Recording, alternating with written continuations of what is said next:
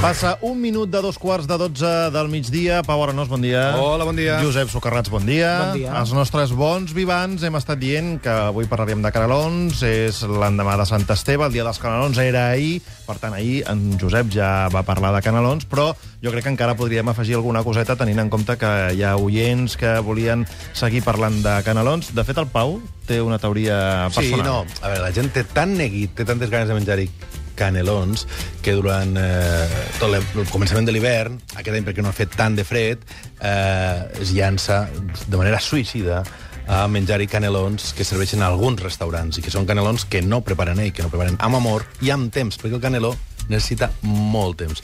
I menges aquests platets absolutament cremants, amb un producte cremat per sobre, que són de metall, el platet tot terrissa, i després una beixamel eh, desfeta, perquè aquests restaurants compren un producte fet, un producte dubtós, i després l'acaben, el rematen d'una manera maldestra, no mal feta. I jo crec que eh, un ha de resistir a aquestes temptacions, a menys que sigui un lloc reconegut. Hem parlat eh, dels canelons de la Font de Gaig, extraordinaris, gent de referència, gent que valgui la pena, que s'ho cuida, que treballa, i aguantar una mica i disfrutar els canelons quan toca el dia de Sant Esteve. A casa. A casa. A casa, per què? Perquè eh, algú, una àvia, una tieta, s'hi ha dedicat. Ha dedicat temps, ha dedicat hores, perquè el caneló és que vol moltes hores. Per fer la carn costa moltíssim. I gaudir i disfrutar d'això. I hi ha una altra també, sempre es parla de per què es fa el dia de Sant Esteve, no? És el, el plat d'aprofitament, després l'escudella. Això ja no passa. La gent comença des de zero, no reaprofita res. Eh, s'ho curra, s'ho treballa.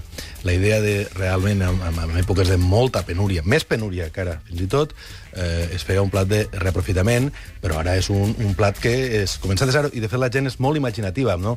Eh, dins d'un paladar conservador, admet el caneló, la gent, moltes variacions. Però és que jo, ja n'hi ha eh, canelons importants des del 1924, l'Ignasi Domènech, a la Teca, eh, un llibre imprescindible, la Teca 1924, parla de canelons, no canelons, canelons a la Rossini, amb tòfona, canelons a la Florentina, amb espinacs, imagineu, quan es parla d'espinac, com si fos una certa modernitat, estem parlant del 24, ja codificats, o canelons de vigília de peix o mol·lusc amb salsa de tomàquet.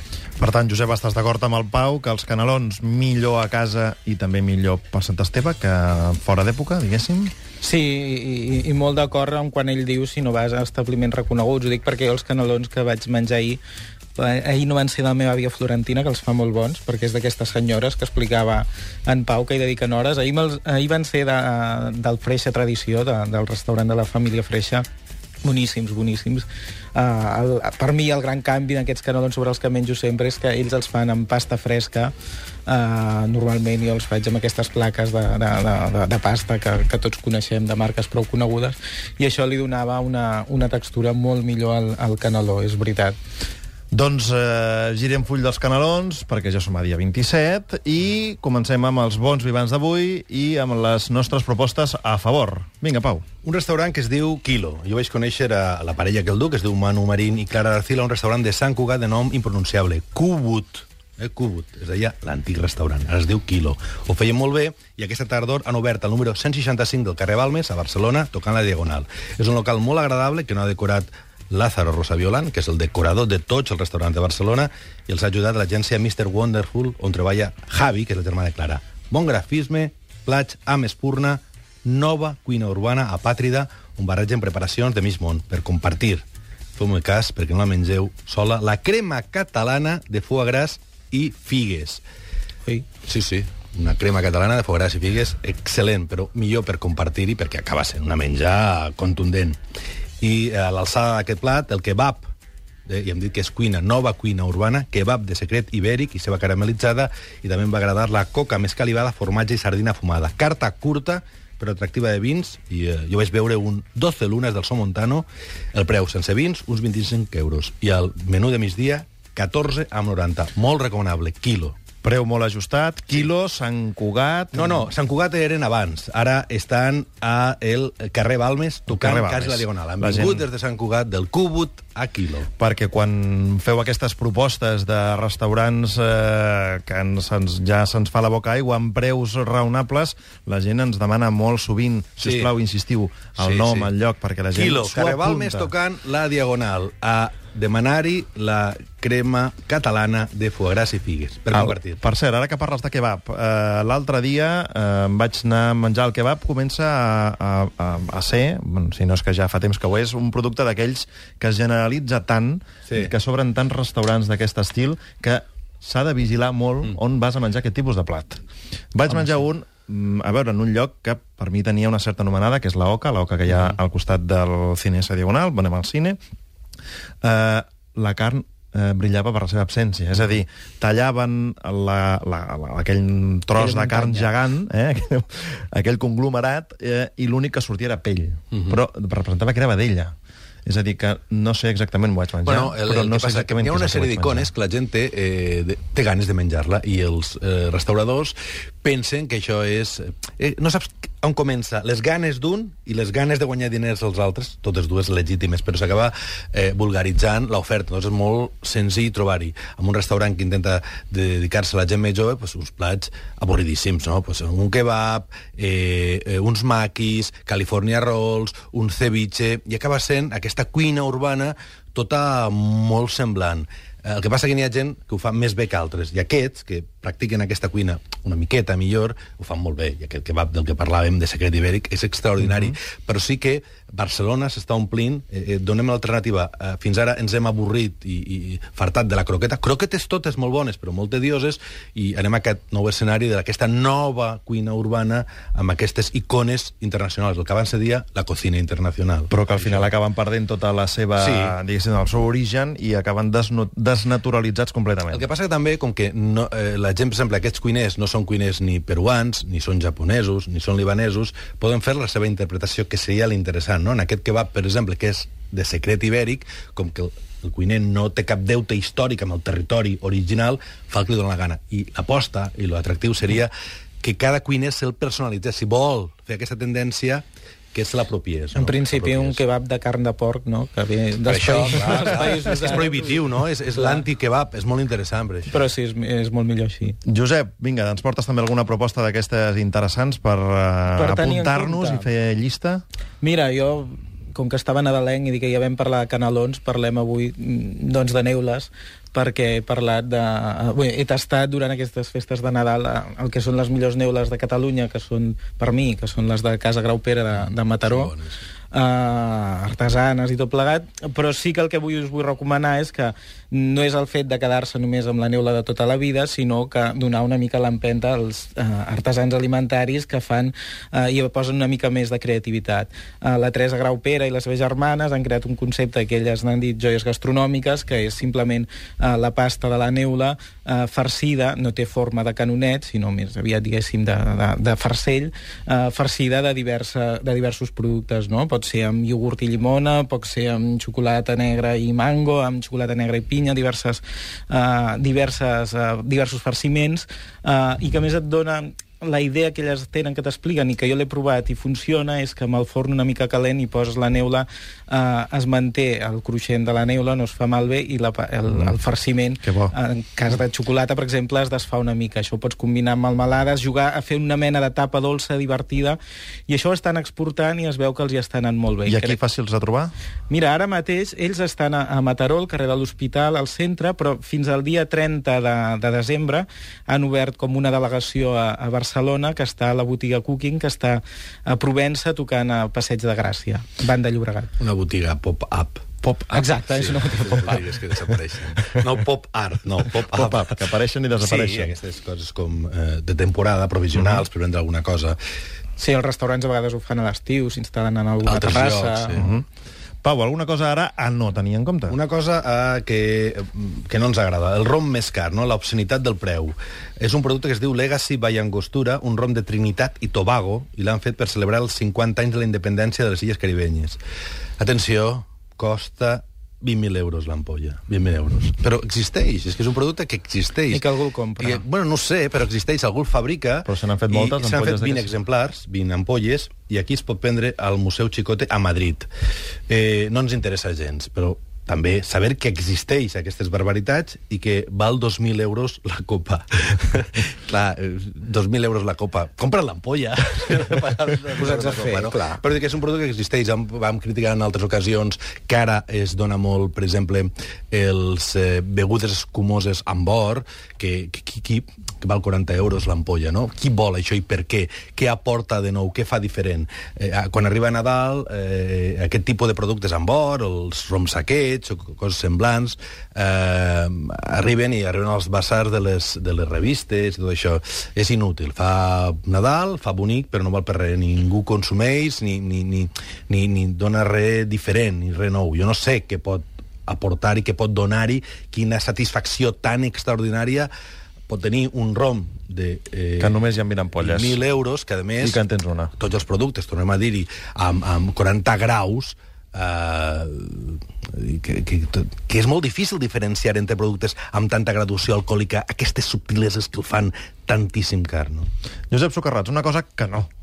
Que no, una cosa que em cansa, que són totes aquestes cadenes de iogurts pretesament artesans que trobes a, a cada cantonada. No és que em cansin totes, evidentment això comença, hi ha gent que treballa bé, hi ha gent que eh, va tenir la idea de posar-les i oferir un producte nou que a l'hivern fins i tot venia de gust molt, molt semblant al gelat, sense, sense ser un gelat, per descomptat, és una altra cosa, però una estratègia de consum semblant, no? Però ara te'n les trobes a cada cantonada, eh, hi ha cadenes També de són iogurteries... pop-ups, que estan- algunes d'aquestes, eh? Sí, sí, sí, duren, és que clar, acaben durant poquíssim perquè s'estan matant eh, entre elles. Llavors una mica la meva queixa és dir, no, està molt bé que algú tingui la iniciativa de fer aquest eh, negoci nou, però aquesta còpia burda, eh, repetitiva, constant, en tot, eh, en el producte, en els tòpings que pots posar sobre, en l'estètica del local, eh, bé, espero que sobrevisquin les que, sigui, les que siguin bones de veritat, i vull dir, desitjo molta sort a la gent que ha invertit en això i s'hi vol guanyar la vida però mm, els que ens enganyen, els que ens enreden, els que estan repartint iogurts artesans cada dia per tota la, provi eh, per tota la península ibèrica, que crec que això és complicat, que sigui artesà un iogurt que arriba amb aquestes, eh, amb aquestes quantitats a tot arreu, doncs potser cansen una mica. Pau, una cosa a tenir en compte. Una cosa a tenir en compte, eh, còmics, còmics, còmics i gastronomia, que a vegada eh, es dona més. La Còmics i gastronomia? Sí, sí, sí, sí. la gent que, que li agrada eh, la gastronomia, aquesta gent que viu el món gourmet d'una manera intensa, pues ho fa tot, no? Eh, S'aixeca amb visió gourmet de la vida i doncs quan va esmorzar un cafè vol que el cafè sigui bo i la lectura anem a recomanar uns còmics gourmets, a més, eh, obres mestres. Eh, el primer, Los Ignorantes, extraordinari. És editat per la Cúpula, obra mestra. Una història real dibuixant Etienne eh, Dabodó, Etienne Dabodó, que em perdonen els francoparlants, dibuixa de manera esplèndida l'any que passa al costat d'un viticultor, Richard Leroy, que elabora vins biodi- biodinàmics. Eh? Aquesta és una història real. El vi eh, que fa més important és l'Enoels de Montbenault. Aquí, aquest vi es pot trobar eh, a la part dels Àngels, que és una botiga que està a Enric Granados, i també el distribueix Cuber 3000. El vaig provar l'altre dia. És un vi biodinàmic blanc boníssim. Pots comprar-te l'ampolla, que val torna a 30 euros, 40, i pots comprar-te el còmic i anar llegint i bevent i, I tastant entendre el vi que surt al còmic que, i que com l'han com elaborat l'elabora. com aquella mateixa anyada que és 2010 el, eh, Em l'intercanvi que això és novetat absoluta, que Sí, vinguis sí, aquí sí, a recomanar-nos còmics, fantàstic, eh, sí, sí. Pau? El, el, el dibuixant li parla de còmics i el viticultor d'ampolles, i tots dos fan aquest any l'elaboració total del, del vi. Més títols? Eh, a comer i a beber, de l'editorial Sin Sentido. El dibuixant es diu Guillaume Long i dibuixa un blog a Le Monde on explica les catàstrofes, que és més divertit, és més còmic, eh, les catàstrofes d'un cuiner domèstic i divertit, amb un dibuix molt més infantil, més línia clara, és preciós. I l'altre, també és absolutament meravellós, que, meravellós, que es diu En la cocina con Alain Passar, d'Estiberri. El dibuixant Christophe Blaine explica com cuina i pensa Alain Passar, que és el gran xef de la- de l'Arpeix, a París, especialitzat en verdures. I el dibuixant t'explica com levita, i levita, literalment, menjant els seus plats. És llegir, i mentre estàs llegint té unes ganes terribles d'entrar a la cuina i fer alguna cosa, el que sigui, el que sigui, per poder seguir gaudint. Aquests tres noms, Los Ignorantes, a comer y a beber y en la cocina con Alain Passat. I a més has parlat de dues editorials de còmic eh, que per mi són referència absoluta, Sin Sentido i Estiberri. Mm. A tothom que sigui aficionat a aquest tipus de lectura els recomanem tot el que publiquen perquè no té desperdici. De fet, Estiberri ha publicat un còmic en tres volums, crec que ara han publicat el quart, El negocio de los negocios, que eh, descriu molt clarament com hem arribat a la situació econòmica que hem arribat. Josep Socarrats, una cosa a favor. A favor. A veure, un restaurant que ja fa ben bé 10 anys que, que funciona, que el Pau també el coneix, jo hi he estat fa poc i em va agradar moltíssim, a Caldes de Montbui, amb Mirko Carturan, Oh, cuiner. sí. Uh, crec que és d'aquells locals que potser no tenen la popularitat de, de, de molts, però que són, tenen molta personalitat i és interessant conèixer. Els Mirko Carturan és un cuiner del Piemont, establert a Catalunya des de fa anys, va arribar l'any 92 amb els Jocs Olímpics, ha passat per Gats i ara bueno, porta 10 anys amb la seva pròpia proposta. Una cuina ara a l'hivern eh, molt d'interior, tot i que també té peix. Vaig tastar unes mandonguilles de lluç rap i bolets que em van semblar esplèndides. Uh, vaig tastar uns lletons de vedella que portaven verdures d'hivern cruixents, un plat uh, així complex, sabrós, uh, que em va agradar moltíssim i penso que mm, vas a veure un cuiner italià que no et fa cuina italiana però que quan hi ha tofu una blanca eh, té bons contactes per tenir-la millor i no arruïnar-te en la butxaca i que dintre de tot hi pots anar a menjar el seu menú mm, de territori que fa, que és un menú de dos plats i postres, està tot inclòs per 30 euros o el que em va agradar moltíssim és que si vas a fer un menú degustació que et surt per uns 45 euros eh, begudes a part eh, no és un cuiner que et digui el menú degustació és aquest, eh, sinó que se t'acosta, mira què, et diu què té, mm, et pregunta què t'agrada i te'l fa una mica a mida cada dia i això em sembla un concepte que si algun cuiner s'ho pot permetre o pot fer aquest esforç i a més a més ho fa bé, eh, és interessant com a restaurant perquè passa poquíssim. Ens quedaria una última ronda, no sé que us estimeu més. Si Jo una cosa, vols afegir una un cosa, sí, molt bé. eh, a favor de restaurants com el de Mirko, perquè estan fora del circuit. Moltes vegades, quan parlem del circuit, ens quedem a Barcelona, no? Hi ha gent fora, pels molts pobles de Catalunya, fent un esforç increïble per mantenir restaurants de nivell que honoren les seves poblacions, no un, un restaurant sense risc, que dedicat sempre a la carn a la brasa, a coses No, no, no. senzilles de vendre, sinó gent que aposta per una creativitat moderada i que s'ho passen molt fotudes, perquè a vegades troben amb la incomprensió del, dels seus veïns que diuen és un restaurant car o és un restaurant estrany, és un restaurant que no entenem. Eh? Moltes vegades en poblacions petites on és molt difícil la clientela permanent i que ho fan esplèndidament bé. El restaurant de Mirko és fabulós. I a més a més, com el, el local és acollidor, és agradable, l'atenció que et donen és fantàstica. Una excusa més per anar a Caldes de Montbui. Per tant, escolteu, l'última ronda què voleu fer? Que sí o que no? Ens en queda una última. Sí, jo una aclaració, més que un sí que no. La setmana, bueno, l'última vegada que vam Sí? estar aquí, vam parlar-hi de la sorpresa que restaurants amb estrelles estaven eh, venent taules a la meitat de preu a la web Let's Bonus, Sí. no? a Alta Cuina, a la web de Let's Bonus. És així, eh, es va explicar d'aquesta manera.